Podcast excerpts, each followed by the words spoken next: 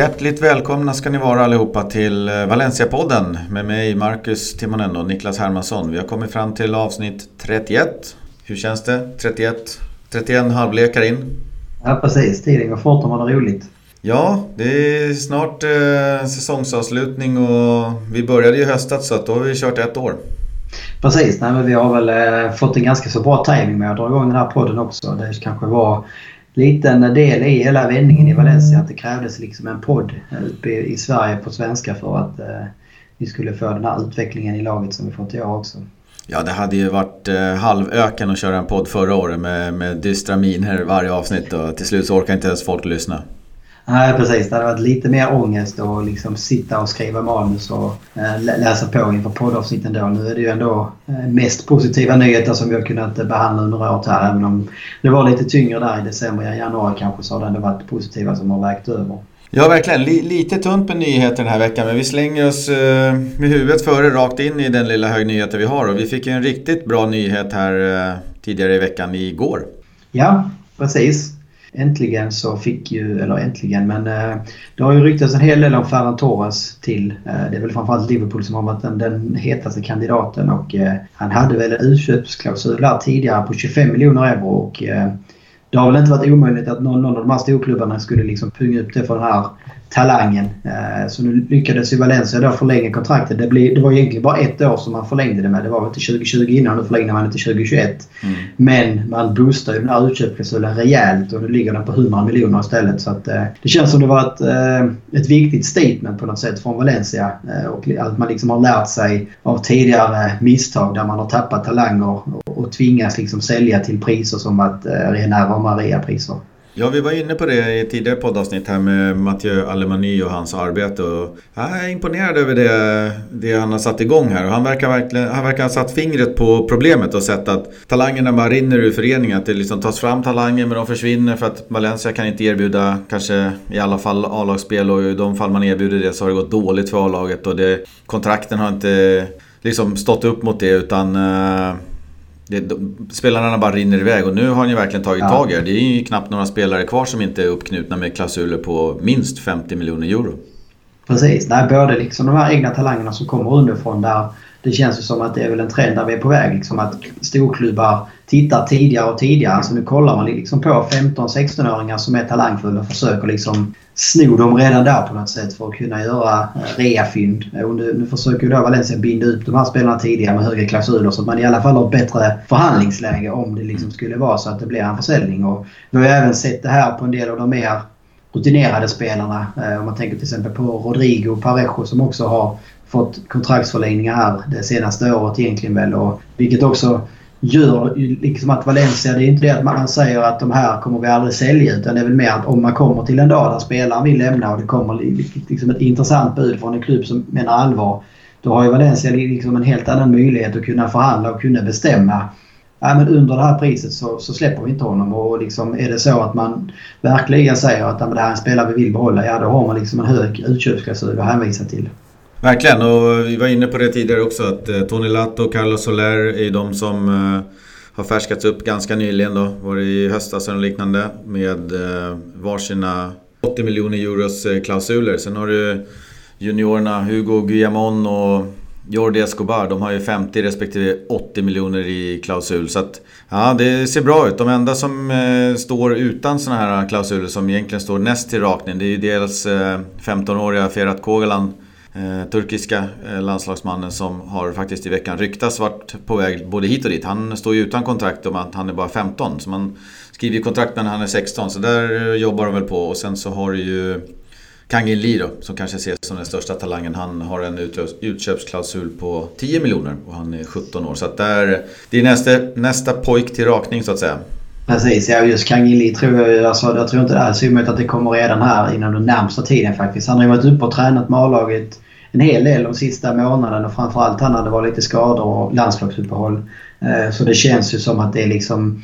Man har nog en tydlig plan för honom att han är uppe och känner på det här och eh, jag tror jag nämnde det för någon, någon podd sen också att jag tror heller inte det är helt omöjligt att om Valencia har säkrat en Champions League-plats här inför de sista omgångarna att man, att man släpper upp Kangeli i alla fall i, i en matchtrupp och kanske ett kortare inhopp för att att det liksom på något sätt knyter an dem lite mer. Och att det då liksom blir en kontraktsförlängning och en utköpsklausul som är betydligt högre än de 10 miljoner de har idag. Annars så skulle jag också vilja gå tillbaka. Alltså, det säger ju en del om tron man har på denna Jordi Escobar, 16-åringen som har då en 80 miljoners klausul utan att ha gjort ett enda inhopp eller träning med A-laget så vitt jag vet. Nej, så är det. det. Jag skrev en artikel om honom på Svenska fans om man är intresserad av att läsa om den talangen. Det är en ganska lång och gänglig kille som fullkomligen har öst in baljer i juniorlagen. Lite likt Rafa Mida kanske. Eh, och eh, man har ju länge trott att han eh, har levt mycket på sin fysik. Alltså längden och, ja, storleken. Ja. Att han därav har varit lite snabbare och haft lite enklare med nick och sånt där och närkampsspel. Men nu har de ju flyttat upp han så pass långt så att han är ju uppe och spelar med de som är ett och två år eller, eller har gjort det nu senaste tiden. Och då Målfabrikationen har bara fortsatt och det är i, i kölvattnet av det som man har valt att säkra upp honom då. Ja, men det känns ju smart men ju, man blir ju ändå lite häpen när man liksom ser att han ligger på samma klausul som Carlos Soler som då har liksom varit eh, given och kanske en av de bästa mittfältarna i hela ligan den här säsongen. Liksom. Och vi, vi har pratat innan om till exempel en Gaia som eh, bara har ett år kvar på kontraktet för vi visst men där liksom en klausul till sommaren går ner till 25 miljoner euro. Eh, så det säger ju en del om liksom Valencias tro på den här Escobar och eh, det kan bli spännande att se om han kanske får chansen i, i, i A-truppen kommande säsong också så är det väl ett namn att lägga på minnet. Verkligen. Sen hade vi väl lite eh, uppdateringar, om vi tar och går på nästa nyhet. Lite uppdateringar av eh, Champions League-pengarna och du hade gjort en liten eh, spännande uträkning.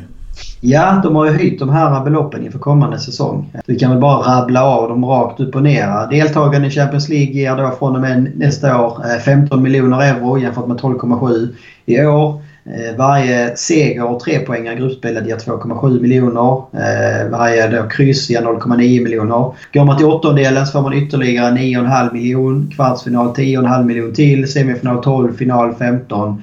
Och vinner man hela skiten så får man 19 miljoner till. Mm. Eh, och då satt väl jag och liksom skulle skissa på ett rimligt scenario för Valencia. Och, eh, när jag ska försöka göra ett rimligt scenario så slutar det alltid med att det blir ett ganska så eh, optimistiskt scenario om man säger mm. så. Eh, men man, man har ju... Tar man sig till Champions League, vilket eh, som vi kommer till sen, känns väl mer och mindre klart just nu. Även om det i teorin inte är det så känns det hypotetiskt ganska klart att man kommer bli sämst fyra. Då har man ju 15 miljoner rätt in på kontot där. Kan man sen tänka sig att man får en hyfsat normal lätt grupp så har jag sagt att man tar 12 poäng i gruppspelet. Det är egentligen att man vinner sina tre hemmamatcher och kniper en bortaseger. Mm. Då har man då 10,8 miljoner i poängbonusar, så att säga. Poängbonuspengar. Eh, då tar man sig vidare till åttondelar. Man får 9,5 miljoner till. Där väntar då ett eh, Porto som gör att Valencia tar sig vidare där med 4-2 totalt och går till kvartsfinal. Och då får man 10,5 miljoner till. längre än så behövde jag inte sträcka mig. Eh, vi har ju lite ont om tid i podden med så att jag, jag behöver inte ta hela scenariot nu utan det kan bli en liten cliffhanger. Men bara, bara en kvartsfinalplats skulle ju då ge knappt 46 miljoner euro i, i, i, bara prispengar så att säga. Ja, det skulle ju vara mumma då till den här Fifa Financial Fair Play-potten eh, då som vi i sådana fall har att röra oss med under nästa säsong. Eh, fin, fin sudd med pengar in, 45 miljoner euro. Precis, nej men det är ju alltså, det är ju antingen en riktigt bra spelare till som budgeten utökas med eller kanske då två Eh, två truppspelare om man så säger så. Ehm. Ja, riktigt bra sådana också. Jag menar 45 miljoner euro, det får du ganska bra grejer för. Ja, och då kommer ju då dessutom ovanpå det här eh, biljettintäkter och eh, förhoppningsvis som vi pratat också om innan det här med alla tröjsponsorer och annan liksom sponsring som man har som säkerligen har några klausuler i sig som liksom triggas ännu mer Tar Valencia till sig till Champions League och syns i de miljöerna och i den TV-tiden så ökar det liksom också sponsorintäkterna. Ja, verkligen. Det där kan bli eh, oerhört viktigt och jag tror som sagt eh, inte att det är omöjligt att ta sig vidare från gruppen. Det beror ju lite på vilken sidningsgrupp Valencia hamnar i och jag vet inte om spanska ligan har någon i den fjärde och sämsta då. då. Eh, skulle man kunna hamna i den tredje då har du i alla fall ett lite sämre lag. Då slipper du dem i din egna sidningsgrupp, det vill säga trean. Men man får en från ettan och en från tvåan och då blir det en tuff nöt att knäcka modell Real, Bayern München, Manchester City och de här. Precis. Men eh, kan man då komma i andra sidningsgruppen på något vänster, till exempel om man kommer trea så här, jag vet inte. Då, då slipper man ju någon från andra sidningsgruppen, då ser det ju bra ut. Och ja. Är det någon av lyssnarna där ute som vet eh, exakt eh, hur de där sidningsgrupperna går till så får man gärna hojta till på hashtaggen Valencia-podden så... Ja, det verkar lite... Kollar man bara snabbt hur det ser ut i år till exempel. Nu vet jag också att de håller på att ändra inför kommande år eftersom då Valens fjärdeplatsen i Spanien till exempel är helt plötsligt säkrad plats. Så att jag vet inte om man också kommer att göra om grupplottningen. Men i år så var ju till exempel då Sevilla som var fyra i Spanien i fjol var ju en grupp med Liverpool, Spartak Moskva och Maribor. Och det känns väl som att Sevilla då borde varit i Ja, man var ju i alla fall inte i, i fjärde eh, sidningsgruppen utan antingen i andra eller tredje beroende på hur, hur Moskva var rankat. Sen å andra sidan kan man då se till exempel Reals grupp var det både Real, Tottenham och Dortmund. Eh, så då känns det som att antingen Tottenham eller Dortmund har varit i någon av de lägre rankningsgrupperna. Så det, det, det verkar inte vara helt enkelt att utläsa eh, vilken grupp som, som man kommer att hamna i. Vi tar Valens, eller Sevillas grupp nästa år. Den lät eh, överkomlig i alla fall. Ja, jag håller med. Det var väl också någon grupp A där med United, Basel och Moskva eller vilka det var. Så att, eh, det gäller att ha lite flyt där också. Eh, man, man, man, man kommer ju få ett av de här storklubbarna och det på ett sätt så gör inte det någonting för det, det blir också en jäkla häftig publikmatch på något sätt. Man vill ju inte ha tre sämre publiklag heller. Utan får man liksom en av de här storklubbarna från helst kanske då England eller Italien som lockar som är lite liksom en kul kväll på Mestalla. Mm. Så får man full arena där och allting vad det innebär. Och sen så kan man då få två kanske mer eh, överkomliga lag så att man, man liksom kan plocka sina, sina 12 poäng och ta sig vidare. Ja, och det är ändå 15 miljoner euro ungefär i skillnad på att eh, ta tre poäng och åka ur i gruppen eller ta 10-12 poäng och gå vidare till kvart eller åttondel ja, i alla fall. Ja, så att, eh, ja. det är viktiga, viktiga pengar där också. Ja, nej, och det känns ju som, menar, det var ju inte många som kanske trodde inför den här säsongen att Marcelinos lag skulle liksom vara med och kriga om en tredjeplats. Eh, så att de har ju liksom överraskat för så det känns som att eh, man säkerligen också kan fortsätta med när man får bygga vidare på det här lagbygget. Ja, det vore spännande att se. Sen har vi väl haft lite eh, smårykten hit och dit. Vi har väl Rodrigo och eh, Soler. Precis, det är väl Madridlagen framförallt som har varit och ryckt där. I, I Rodrigos fall så var det väl Atletico som, eh, eller media i Madrid framförallt som målade upp honom och menade att han var högt upp på Simeones önskelista där man då väl egentligen räknar med att man, man kommer att tappa Griezmann eh, och är väl liksom ersättare till honom som man är ute och spanar efter. Att man då tyckte Rodrigos profil skulle passa bra där och det kan man väl bara skriva under på. Det känns som att han skulle, skulle nog funka bra i eh, Simeones lagbygge men eh, Valencia har väl bara kontrat och sagt både när det gäller då Soler som där det varit mer eh, Real Madrids agenda som där Soler har varit högt upp. Men svaret från Valencia har väl varit att man, man har hänvisat till deras utköpsklausuler som då i Rodrigos fall 120 miljoner och i Solers fall 80 miljoner. Så att eh, det känns ju liksom som bra signaler från Valencia där. Man kommer inte släppa någon av de här spelarna till framförallt inte till då direkta konkurrenter heller eh, för några, några reasummor åtminstone. Nej, Diego Simeone har väl kollat på Valencias övriga matcher vad det verkar för att uh, Atletico Madrid är det enda laget Valencia inte gjort mål på i år. Ja precis. Nej, de har inte övertygat där anfallarna. Ja. Nej, sen hade vi åt andra hållet har det spekulerats i att Alvaro Morata kan återvända till Spanien och att Valencia då kanske skulle ligga bra till. Återigen spekulationer och det är väl tveksamt om han är en spelare för Marcelinos spelsätt. Nej, det, alltså det kändes, den kändes rätt så lösryckt på ett sätt. Men det, det var väl någon som hade lagt ett pussel där. Men, ja, men om Valencia tappar Rodrigo så behöver man ha in en, en, liksom en första anfallare. Eh, och det, att Morata kommer gå tillbaka till Spanien känns kanske ganska givet efter en ganska så tuff säsong i England i år. Eh, han är väl ingen spelare för varken Real eller Barca kanske. Och då, då är det liksom kanske då Valencia, Sevilla som blir de klubbarna som blir aktuella för honom. Och då är det någon som har lagt ett pussel att han skulle kunna ersätta Rodrigo i så fall. Men jag vet inte, det känns inte som en, som en spelare som liksom eh, Marcelino scoutar. Så alltså kollar man på de, de spelarna som han vill ha in och de anfallarna som han har idag så är det helt andra spelartyper. Ja, verkligen. Jag kan tänka mig att det är någon eh, Watford eller Stoke liknande klubb, alltså lite längre ner i hierarkin i Premier League. Uh, möjligtvis för de har väldigt mycket pengar att lägga i lönkuvert. Ja. Uh, som kan locka. Annars så är det ju hem till Spanien som gäller för att uh, få igång karriären igen. Han, ja, det är efter VM i sådana fall så att han har ju lång tid på sig att ta sig in i en eventuell EM-trupp då, så han kanske kan stanna en liten stund till. Men det blir nog ingen av toppklubbarna. Nej, jag, jag tror faktiskt att han kommer att hamna i typ Milan eller Inter. Det skulle inte mm. förvåna mig. Liksom två klubbar som i Italien har, har pengar och kanske då vill, vill satsa ytterligare ett kliv och kriga om en ligatitel i Italien. Och, Eh, Morata, det, han har ju liksom ändå ett hyfsat CV. Han har gjort det hyfsat bra när han var i Juventus och eh, när han väl fick chansen i Real så var han ju liksom ändå... Han gjorde inte bort sig i alla fall om man säger så. Och han gjorde ju en bra höst i Chelsea så där finns ju no, no, no, någonting i honom. Men han behöver ju ha... Få liksom en hel säsong där han kan prestera eh, lite, lite längre period kanske. Ja, verkligen. Då det var den eh, sista nyheten vi hade plitat ner för den här veckan. Så vi går väl eh, över och pratar lite om den härliga segern mot eh, Leganes. Leganes Valencia, där hade vi 0-1 som slutresultat och Rodrigo petade in eh, målet i andra halvlek. Mycket skönt. Det var tre poäng in, det var det enda som räknas egentligen och det var vi inne på. Men vi kan väl börja med lite skrällar i laguttagningen. Vad hände ja, med Murillo? det, det, är väl som det brukar vara när Marcelino är igång. Det är alltid någon, någon liten skräll känns som. Och nu var det väl egentligen kanske tre, tre skrällar och några var lite större än de andra. Murillo, som du sa, man var helt och hållet eh, petad ur truppen. Eh, fan kom ingen direkt anledning. Det, det enda som kom ut var väl att det inte berodde på skada i alla fall utan att det var andra anledningar. Jag läste också det. Marcelino sa det att det är av ja, alltså rotationsskäl. Ja ja, det kändes konstigt. Jag vet inte hur det var här eh, under landslagsuppehållet och sådär. Om det var någonting som liksom har spökat där för honom. Mm. Nej, jag har inte hört någonting heller.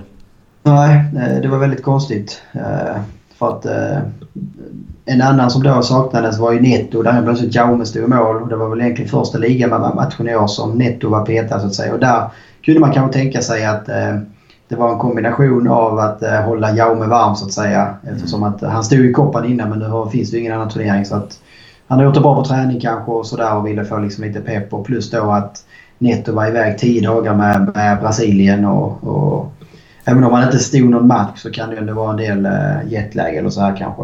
Ja, och det kan vara ganska omvälvande också. Det, det betyder ju mycket att bli uttagen i ett landslag. Eh, och, och um, det händer ju mycket i skallen när man springer omkring i det brasilianska landslaget med alla de storstjärnor som är där. Så det kan ju vara så att han... Eh, Marcelino tyckte att Neto behövde landa lite grann och, och att Jaume var väl värd en chans. Ja, vad jag förstod på någon artikel som stod idag så, så var det ju också liksom... Eh, det var liksom inga hard feelings utan Netto och Jaume och Marcelino hade haft ett samtal där väl Marcelino antagligen liksom lagt fram det här att han ville ge eh, Jaume chansen i match och då hade man kommit fram till att det var den här som liksom var mest lämplig för det. Eh, och han, han, han gjorde det bra ju. Eh, mm. Det fanns ju liksom ingenting att klaga på. Han fick hålla nollan och gjorde ett par bra räddningar också där. Så att, eh, det är skönt att se liksom att det finns bra backup bakom Netto också där. Men jag såg inte Veso komma smygandes.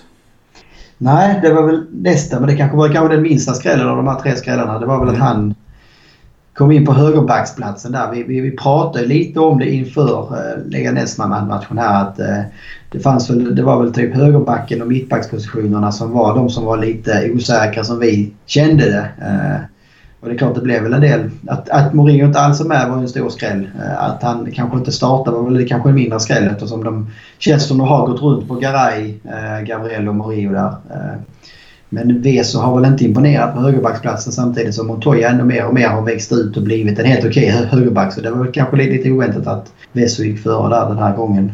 Ja, precis. Speciellt eftersom eh, jag tyckte att Veso den gången han fick köra högerbacken eh, det var lite tufft där och han var ja. lite rundsprungen här också den här matchen. Så jag vet inte om jag är så mycket mer imponerad av Veso än vad jag är av Montoya. Och det ska man ju säga att Montoya har ju haft eh, några riktiga bottennapp och varit riktigt svag. Men samtidigt som du säger, de tre senaste matcherna, så det, det finns ingenting att klaga på där. Han är inte bäst på plan, men eh, han gör absolut inte bort sig. Och offensiva spelet som han kommer med till bordet är ju mycket bättre än Vesos. Det, absolut. Han kanske inte räknar med så mycket offensiv i den här matchen, Marcelino, så han tar in en defensiv Veso istället.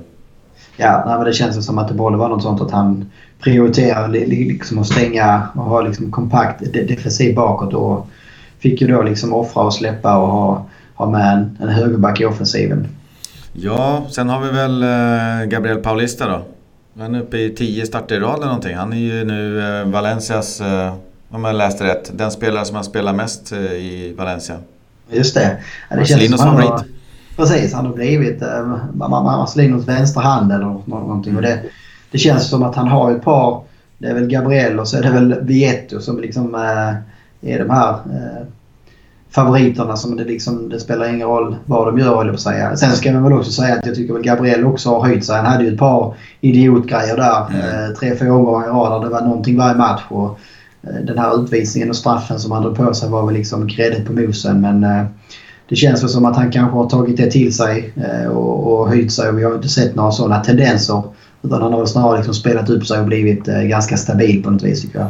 Ja, men han är ju en riktig krigare och det finns ju bra attribut där i verktygslådan. Att han, han är ganska resolut i närkampen och hyfsad i positioneringsspelet och allt sånt där. Så har han några av de här hjärnblödningarna som, som jag är helt övertygad om. Han, han var ju oerhört ångerfull där och ja, gick ut och ja. pratade om det. Jag är säker på att Marcelino också har pratat med honom och de har kommit överens om att det är slut. Och det såg man ju matchen efter sen när han spelade att han äh, kokade över men bara gick därifrån och sådär. Så att äh, jag tror att han har tagit till sig av den fadäsen och kritiken eh, och feedbacken som han har fått och, och nu får han eh, förtroendet igen.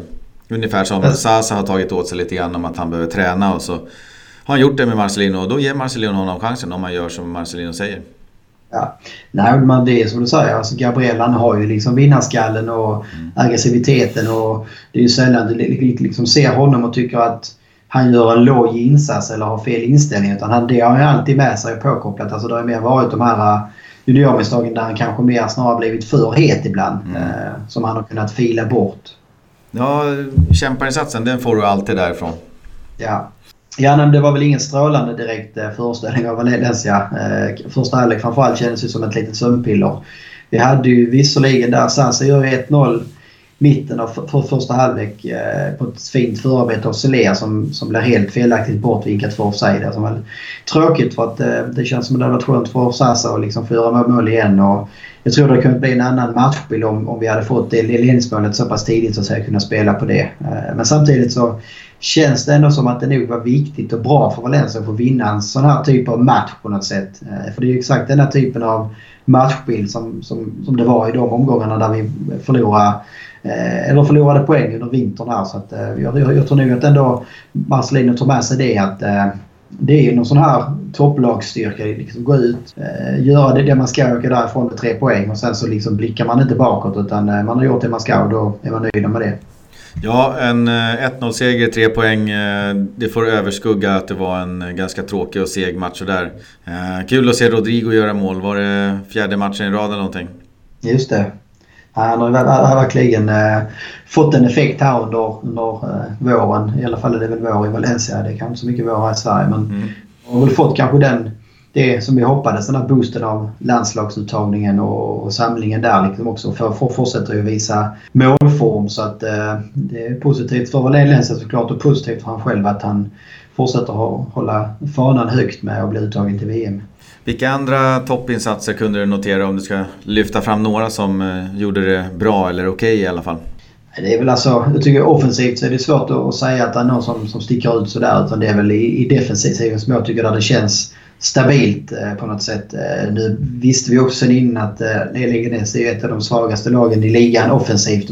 Så det, men det, jag tycker ändå inte det överskuggar att det känns, det kändes stabilt överlag. Kondogbia tycker jag som vanligt här nu på slutet gör, gör väldigt stabil insats och är väldigt viktig och är också det är också han som startar själva upprinnelsen till målet där, där han vinner tillbaka så att säga en, eh, när, när Valencia har tappat bollen i anfall och det är på väg att kunna bli en spelvändning så vinner han tillbaka den och sen så är det väl ett vägspel mellan Rodrigo och Parejo så är det liksom 1-0 på det. Eh, så det är väl, ja, jag skulle väl säga två spelare som, som stack ut spelarmässigt så är det väl Kondogba och Rodrigo som jag ändå tycker gör, gör det väldigt bra. Sen får hela packlinjen en, eh, ett plus i kanten och Xiaomi i målet. Jäkligt kul för Xiaomi. Jag måste ändå lyfta upp en liten eh, rebus. Som eh, en gåta som jag inte lyckas eh, klura ut själv på egen hand. Vi har ju då en, en Sasa som verkligen har, har tränat extra med, med Marcelino. Han har börjat hitta målet igen. Vi har en eh, Santemina som blev skadad i, i glödhet form. Eh, äntligen tillbaks med en dryg veckas träning i, i ryggen. Mm. Säkert en del hårt eh, träningsmatchande där också med, på, på träningarna. Och så har vi den självklara Rodrigo. Då är det fullständigt självklart att man då startar kanske med Sasa och Rodrigo. Men när man då tar ut en eh, Sasa i var det 70-75 minuten så tänker man nu ska han ju in. Nu ska Santemina få sin kvart. Men då ja. ger man Vietto, som är en iskall spelare, som antagligen och förhoppningsvis kanske är på väg bort från klubben. Ger man honom en kvart och, och skäl en kvart från Sasa som man ändå känner att men ge honom nästan 90 minuter då istället. Så att han får känna att han kan få vara med och bidra och få en hel match och inte känna att han är den första som ska bytas ut. Vad, vad, tänker, vad tänker man där? Ja, nej, jag är helt med Jag förstår inte heller det alls faktiskt. Alltså, antingen så, precis som du är inne på, så ger man Sasa 90 minuter som inte liksom nu som har varit liksom spelledig över landslagshelgen och säkert liksom är spelsugen och, och får göra ett mål och fortsätta hitta formen. Liksom. Mm. Eh, alternativt då, alltså det, det enda jag skulle kunna förstå det är att, att, att man vill ha igång Santimina igen. Och att man liksom då, som, som vi pratade om innan, att jag var helt säker på att han skulle få en kvart, 20 minuter för att liksom få ett längre inhopp och hitta liksom rätt med tajmingen och allting sånt här. Men då liksom sitter Santimina kvar på bänken hela matchen och Vieto som liksom inte visat någonting överhuvudtaget för att få denna chansen. Får istället då 20 minuter på både Sasa och Santiminas bekostnad. Och det är, alltså jag tycker det är oerhört märkligt för eh, alltså, som sagt, alltså Vieto har inte gjort något för att förtjäna det. Det var liksom skillnad innan när vi hade tre anfallare bara. Att man behövde gå runt på, på de här, här tre och att Vieto fick chansen ibland som inhoppare även om man kanske hellre hade varit utan det. Men för mig så är det varje gång Vieto hoppar in så är det som att spela med en Mamina för att han är totalt osynlig alltid. Uh, och jag vet inte om Marcelino ser någonting i hans liksom, spel utan boll som, som ingen annan ser. Uh, för uppenbarligen så får han ju chans på chans på chans. Ja, och jag tyckte att han var precis lika iskall den här gången som han var förra Absolut, gången. Ja. I övrigt så tyckte jag att bytena, det var ju kul att Ferran Torres får chansen men jag tyckte han såg lite kall ut också. Kul att Andreas Pereira äntligen är tillbaka efter två månaders skada men jag tyckte också han såg rätt så kall ut så att jag tyckte inte bytena var någon större höjdare men eh, hej, vem är jag att kritisera Marcelino? Han hämtade hem tre poäng. Ja, nej, men alltså det börjar... Första bytet där Solera ut och Ferran Torres in. Det kunde jag ändå förstå på förhand. Alltså vi hade ju mm. Sonér var väl den enda som nästan spelade båda landskamperna där och mm. Eh, var väl liksom bra att inte slita ut honom helt och hållet i en sån match och samtidigt då att Ferran Torres får, får, får, får minuter efter minuter liksom i, i ligaspelet för att växa in i det. Uh, nu blev det inte superlyckat inhopp den här gången. Och sen hade man då förväntat sig att ja, men det går någon minut, sen så kommer liksom Santimina in.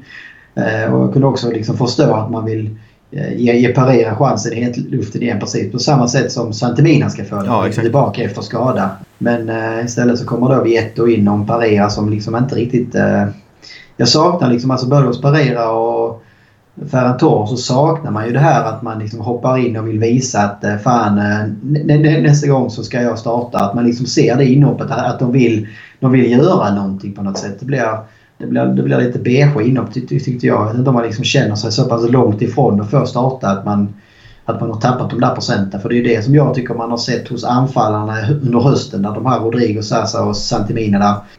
Vem det än är som liksom eh, hoppade in från avbytarbänken så såg man på honom att nu jäklar ska jag ta chansen och visa Marcelino att han gjorde fel som hade mig utanför så jag startar kommande match. Men det, det, det tyckte jag inte alls vi såg av ytterinhoppen i den här omgången.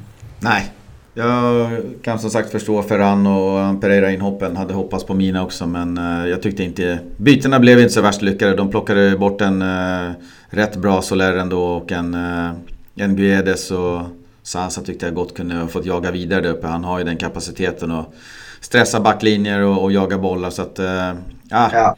Li, lite så här minus i kanten för Marcelinos byten men tre poäng var det enda som var viktiga.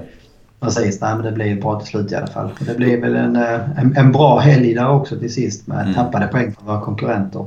Ja, det var ju helt otroligt att uh, Sevilla tappade den där till 2-2. Det var ju någon som la ut en sån här rolig bild på internet med en sån här nödbrandknapp. In case of emergency, break the glass. Och där bakom så satt Messi. Det kändes ja. som att det var det glaset de uh, bröt och skickade in uh, Messi. Och det, vart, uh, det tog inte många minuter innan Sevilla hamnade vad är det, 16 poäng bakom oss. Precis, nej det kändes ju som att, eh, att alltså, Sevilla kunde få lite fart kanske på slutet av eh, säsongen genom att få liksom en sån boost och besegra Barca och kanske då känna att eh, man tog sista chansen och börja jaga. Eh, nu känns det kanske istället helt tvärtom att man tappar liksom en 2-0-ledning som man hade fram till den 88 minuten eller vad, vad, vad det var. Och nu känns det och samtidigt då som man ser liksom Valencia dagen efter gå ut och liksom vinna en, en riktig skitmatch men utöka liksom ytterligare två poäng. Eh, och nu är det väl för Valencias del, för att det ska bli matematiskt klart så tror jag det var att det krävs 10 poäng på de sista åtta omgångarna. Och då har vi liksom fyra hemmamatcher där. Eh, så bara, bara fyra hemmasegrar gör ju att liksom den här eh, fjärdeplatsen minst är, är, är säker och Champions League-platsen är klar. Så att, i min värld så är det hypotetiskt eh, klart nu i helgen faktiskt. Eh, ja, 10 poäng räcker ju eh, om man också ponerar att Sevilla och Villarreal går fullt. Ja, vilket exakt. de inte kommer göra. Nej, alltså det är som vi sagt innan, alltså nu, ännu mer nu kanske när då eh, Sevilla börjar känna att de inte är, har chansen i ligan och nu dessutom i helgen så eh, ramlar man ju ner under Betis i, i ligan och kommer ju nu är det mer att man liksom får, får fightas med näbbar och klor för att behålla sin Europa League-plats. Så det, det var lite det jag var inne på att eh, fotbollen, fast de eh, inte är med nu och fightas om Champions League-platsen så kommer nog fotbollen glöda i Sevilla i och med att Betis har, ser sin möjlighet att ta sig om eh, Sevilla. Precis. Ja, Nej, men Sevilla kommer väl säkert annars, i alla fall spelarna, även om de aldrig kommer säga det uttalat så kommer man väl ha den här kopparfinalen liksom, eh, i bakhuvudet och det är den som man vill vara liksom frisk och, och, och topp, eh, formtoppad till på något sätt. Och sen så i ligan så tror jag mer, ja kommer de före Betis nu och kniper en Europa League-plats så känns det som att de, de, de, de kanske är ganska så nöjda med det så som denna säsongen har blivit för dem. Ja, det som är lite kul att se också, vi var inne på det att Jaume höll nollan där. Jag tänkte på det när Valencia inledde säsongen så var det lite målsnålt och så vidare. Eh, då var det många som snackade om att eh, ja, men det ser bättre ut Marcelino med din taktik här men kan laget verkligen göra mål? Och då exploderade målskyttet mot Betis var det 6-3 och Sevilla 4-0 och han gjorde precis det som alla började undra. Och nu under vintern så har det varit snack liksom att ja men det såg bra ut under hösten men nu har Valencia problem med försvaret och då gick man in, man tog extra träningar, man gnuggade det hela. Och nu är det ett insläppt mål på fyra senaste matcherna så det är otroligt kul att se att Marcelino lyckas sätta fingret på vad problemet är och sen löser han det. Ja, men det känns som han är liksom så.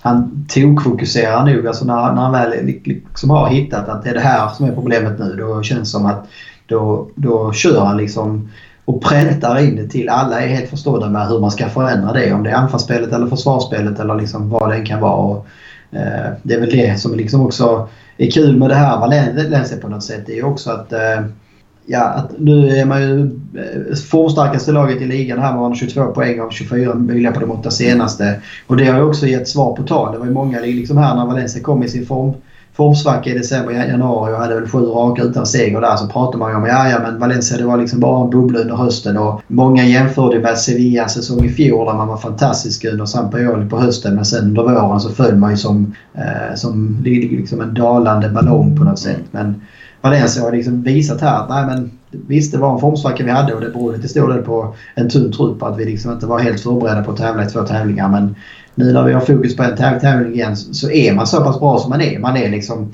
eh, fyra i ligan och slåss om tredjeplatsen och det är liksom ingen tillfällighet utan det är så, så, pass, bra laget, så pass bra som laget är. Och det, det tycker jag är skitkul att se den här säsongen. Och det var också som vi pratade med Paco Polit om när vi jämförde då Valencia i år med, eh, med senast man var i Champions League under Nunos första år vad han såg som skillnad. Och, eh, det är återigen alltså ungefär samma tendenser som vi nu ser. att Den säsongen var det kanske mer tillfälligheter som gjorde att man hamnade där man gjorde. Man tog de poäng man gjorde. I år så känns det ju mer som ett genuint lagbygge på något sätt. Och det finns liksom tankar och struktur bakom allting på något vis. Ja, och för att knyta an till eh, Marcelino där. Det, det är ju Många kan ju ställa diagnosen, vad, vad är det som liksom eh, felar just nu? Men det som är fascinerande med honom är att han, han har också botemedlet. Han vet hur han ska lösa det här. Det kan ta en vecka eller två eller tre. Men, men han, har ju, han har ju lösningarna, han har ju nycklarna och, och, nu ser ju försvarsspelet ganska starkt ut och det har inte haglat målchanser emot utan det har sett väldigt bra ut. Så att, eh, otroligt kul att se. Ja, Nej, och det är väl också det är väl också det här som Valencia nu, om man nu börjar liksom känna att eh, Champions League-platsen är klar, så är det väl då tredjeplatsen såklart som är moroten under våren. Och det hade ju varit liksom coolt att kunna knipa, knipa tredjeplatsen och kunna snuva rejält på den. Och samtidigt så är det väl då det här poängrekordet som vi också hade haft uppe innan. Mm. Som är då från säsongen 14-15 och från guldåret 03-04 faktiskt med, med, med 77 poäng. Man har ju 62 idag. Mm. Och 24 poäng kvar att spela om. Så att det är ju 15 poäng till som behövs på de här åtta avslutande. Så går man ut från Marcelinos första säsong med ett poängrekord för Valencia. Det hade varit jäkligt häftigt. Ja, det vore ju fantastiskt. Och ska vi börja kika lite på nästa match, Espanyol, och fundera på hur det ska gå till. Eh, hur vi tar tre nästa poäng. Ja. Det är ju match redan på söndag igen. Lite skön kvällstid. Det börjar bli lite varmare vindar i Spanien så nu kan man spela på kvällen igen. Kvart i nio söndag kväll är det dags. Precis, det är riktigt spansk tid igen. Ja, historiskt sett bra statistik mot Espanyol på Mestalla. Vi har åtta segrar på nio senaste matcherna. Och Espanyol har väl bort, blott en seger på bortaplan. Och Valencias hemmafacit är ju grymt så att uh, det där kan nog luta åt Valencias favör så här på förhand. Ja, så känns det. Det är väl också, alltså, men ska Valencia knipa en Champions League-plats och kunna vara med och kriga om tredjeplatsen så ska man ju, alltså då, då, då har man inte råd att liksom eh, gå på någon, någon liksom mina här mot Espanyol hemma. Utan eh, det finns inga ursäkter här egentligen. Man har en skadefri trupp. Eh, man har liksom en stigande formkurva. Man har, som vi sa här nu, eh, på de åtta senaste har man väl sju segrar och ett kryss. Mm. Eh, så att det liksom, allting talar för Valencia. Så det enda som talar emot det är väl då om man liksom inställningsfråga på något sätt och någon, någon, någon slags underskattning. Eh, vilket egentligen inte helt eh, känns rimligt eftersom att vi har, vi har väl knappt sett det någon enda gång här under att Marcelino så att säga accepterar det. Nej, verkligen inte. Och kollar man på Espanyols form också så har den varit eh, jäkligt svajig. 0-0 senast hemma mot Alaves är ju ingenting att orda om. Men kryss borta mot Levante och förlust 3-0 mot Betis hade de. Och det är lite... Innan dess hade de väl en eh, lång svit på 1, 2, 3, 4, 8... 7 eller 8 matcher utan vinst. Ja, eh, så de också... har inte varit så bra.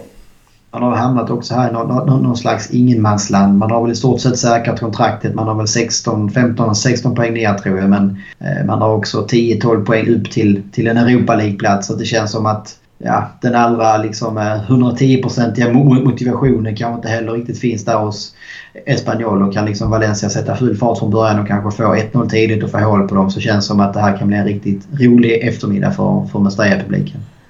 Ja, det enda orosmomentet är väl att de har varit eh, faktiskt ganska bra mot topplagen. De har vunnit mot eh, Real Madrid i ligan och sen hade de den där fina segern hemma i Copa del Rey då mot eh, Barcelona. Just det. Så de har spöat eh, både Barcelona och Real i år. I januari respektive februari. Så att eh, vi får se. De kanske har några nycklar mot storlagen. De förlorade mot Sevilla i och för sig med 3-0.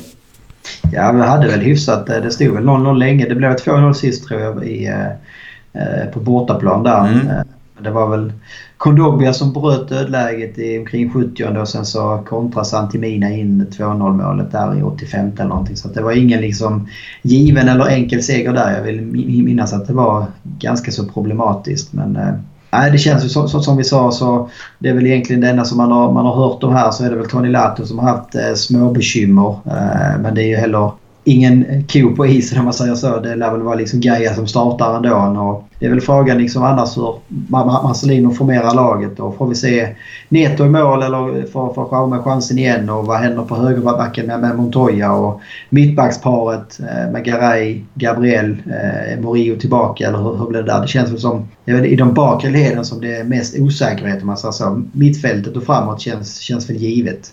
Ja, jag tyckte det var ganska vågat av eh, Marcelino förra matchen. Han hade ju bara fem backar med till spel och Montoya var den som var på bänken. Så Morio borta, Lato borta. Så han tog bara ut fem backar. Det var lite vågat. Ja. Och får se hur han gör här då. Han kanske känner sig så trygg med den backlinjen han har. Ja, det var det. Det är ju det som gjorde det ännu märkligare så att säga med, med, med Morios petning. Att det, fann, det var inte det att man, man, man, man, kunde liksom tolka det som att han hade ett överflöd av försvarare på bänken och ville plocka bort någon av dem. Utan det var ju tvärtom egentligen.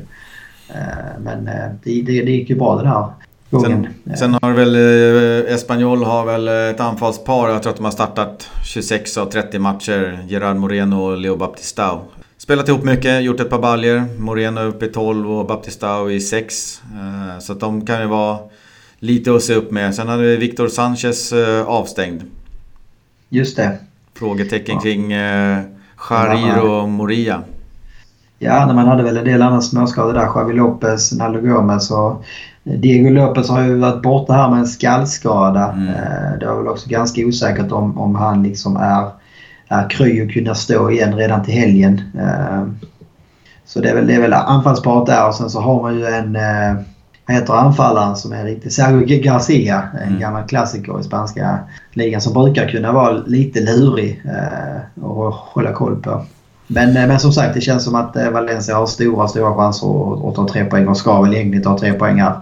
Nej, och Kike Sanchez Flores är väl ingen eh, tränare heller som kör några magiska tricks utan det är 4-4-2 som gäller och han kör med sitt anfallspar där. Så att eh, det, det, finns nog goda möjligheter för Marcelino att ha väldigt bra koll på hur de spelar. Och... Ja, men det blir väl intressant. Alltså, nu sitter vi och spekulerar startelva och det har ju varje gång varit någon skräll så det kanske blir, eh, blir, blir någon skräll även till helgen av Marcelino. Kanske blir det en Santimina som får chansen från start nu istället. Och, eh, Kanske är det någon Andreas Parera som går in på kanten istället för eh, Guedes eller någonting. Jag vet inte. Det, det känns som det kan hända lite vad, vad som helst. Han är lite så här eh, både mot eh, fansen och liksom oss här som försöker spekulera i startelva och kanske även mot spelarna så känns det som att han hela tiden har den inställningen att det är ingen som ska känna sig trygg. Det är ingen som ska liksom, eller trygg kanske man ska känna sig, men det är ingen som ska slappna av och känna att man har en plats given bara för att man har gjort, gjort det bra liksom tidigare. Utan eh, man är aldrig bättre än sin senaste träning typ. Och eh, det har ju funkat bra med den, den, den taktiken och det mind, mind gamesen på något sätt av, av honom under säsongen här. Sen har vi ju eh, Morio, Gabriel, Santemina och eh, Rodrigo som står på fyra gula kort. Kan bli, eller blir avstängda. José Gaya likaså, han står på nio. Så att det finns ju, det är ju tre backar som eh, riskerar en avstängning vid gult. Så det får inte hända att eh, Gaia, eh, Gabriel och Morio drar på sig de gula. Så det kan ju vara så att han inte vill spela alla de tre samtidigt också kan det bli så. Det är ju ingen... Eh, tänker man eh, har de tre avstängda och så väntar Barcelona på Camp Nou i kommande omgång så känns det lite eh, riskabelt kanske. Mm. Och sen har vi våran lilla tävling där du eh, ryckte iväg. Du hade Rodrigo som målskytt och vinst för Valencia ger två poäng. Och jag hade ju 2-0 vinst för Valencia. Parejo det gav en poäng. Så nu är det tre poäng som skiljer och du får väl Börja ge dina profetior här på Espanyol för jag måste tippa någonting annat än dig. ja precis. Nej men eh, jag eh, kör väl vidare på, eh, på den inslagna vägen här och tippar den 31 segern i år för Valencia. Mm. Eh, jag tror som sagt att det kan bli en riktigt rolig kväll eh, för Valencia här hemma och jag tror att det kan bli 4-0 faktiskt. Ja. Sen är det ju bara det här kluriga vem som liksom drar igång hela maskineriet på något sätt. Eh, men äh, jag sätter Sasa den här gången att han, han får göra målet först och att det blir inte bortvinkat den här gången. Ja, det, han kan ha det där på gång eh, den gode Sasa. Det kan nog vara hans tur. Sen är det väl inte helt säkert att han startar kanske om nu eh, beroende på hur Santimina har sett ut i veckan. Men samtidigt så kanske man kanske vänta sig att Santimina börjar med att göra ett inhopp innan han får chansen från start här. Så kan det vara. Jag eh, tror faktiskt också på seger. Och jag eh, kör en eh, 2-0. Måste man ändå tro på seger. Ja. Eh, jag får väl ta och chansa då. Egentligen skulle man kunna ta Rodrigo, men gör han femte. Jag tror på Santimina. Det blir en fin ja. återkomst till honom. Det kan ju också bli att det står 0-0 och Santemina hoppar in med 20 kvar och gör, gör första, eller, eller gör en två ja. ja. Nej, man vet aldrig med, med Santemina. Han, eh, det, det, man egentligen vet är att det allt som oftast blir mål när han uh, spelar. Precis, han hade ju en fin målform där när han drog på sig sin skada. Lite olyckligt. Då är det. Då har vi närmat oss slutet av ett ordinarie avsnitt. Inga gäster den här gången och vi har väl några på, på gång. Men vi har inte bokat in någonting så ser fram emot troligtvis ett vanligt avsnitt eh, nästa vecka igen då vi snackar ner Espanyol-matchen och snackar upp den fina matchen mot Barcelona. Just det, ska vi bli första laget som kniper tre poäng mot eh, Barca denna eh, säsongen. Eh, jag hoppas det kan bli så att det inte kan bli... För jag satt och räknade innan men det kanske inte är möjligt. Jag försökte räkna ut om det skulle kunna worst case scenario bli så att Barca kan säkra segern i kommande omgång. Jag tror att det är lite tidigt. Ja, men det eh, tror jag också. Det är alltid trist att vara liksom med laget eh, som liksom får stå där på planen och se eh, någon annan. Även om Valencia nu kanske inte har varit liksom med och krigat om någon ligatitel så ser jag hellre att de säkrar det mot något annat lag än mot Valencia på något sätt. Och varenda en lär ju lämna arenan när det ska firas. Precis. Ja men då så. Vi eh, tar och avslutar eh, det här avsnittet där och gör väl det med ett sedvanligt hasta luego. Hasta luego.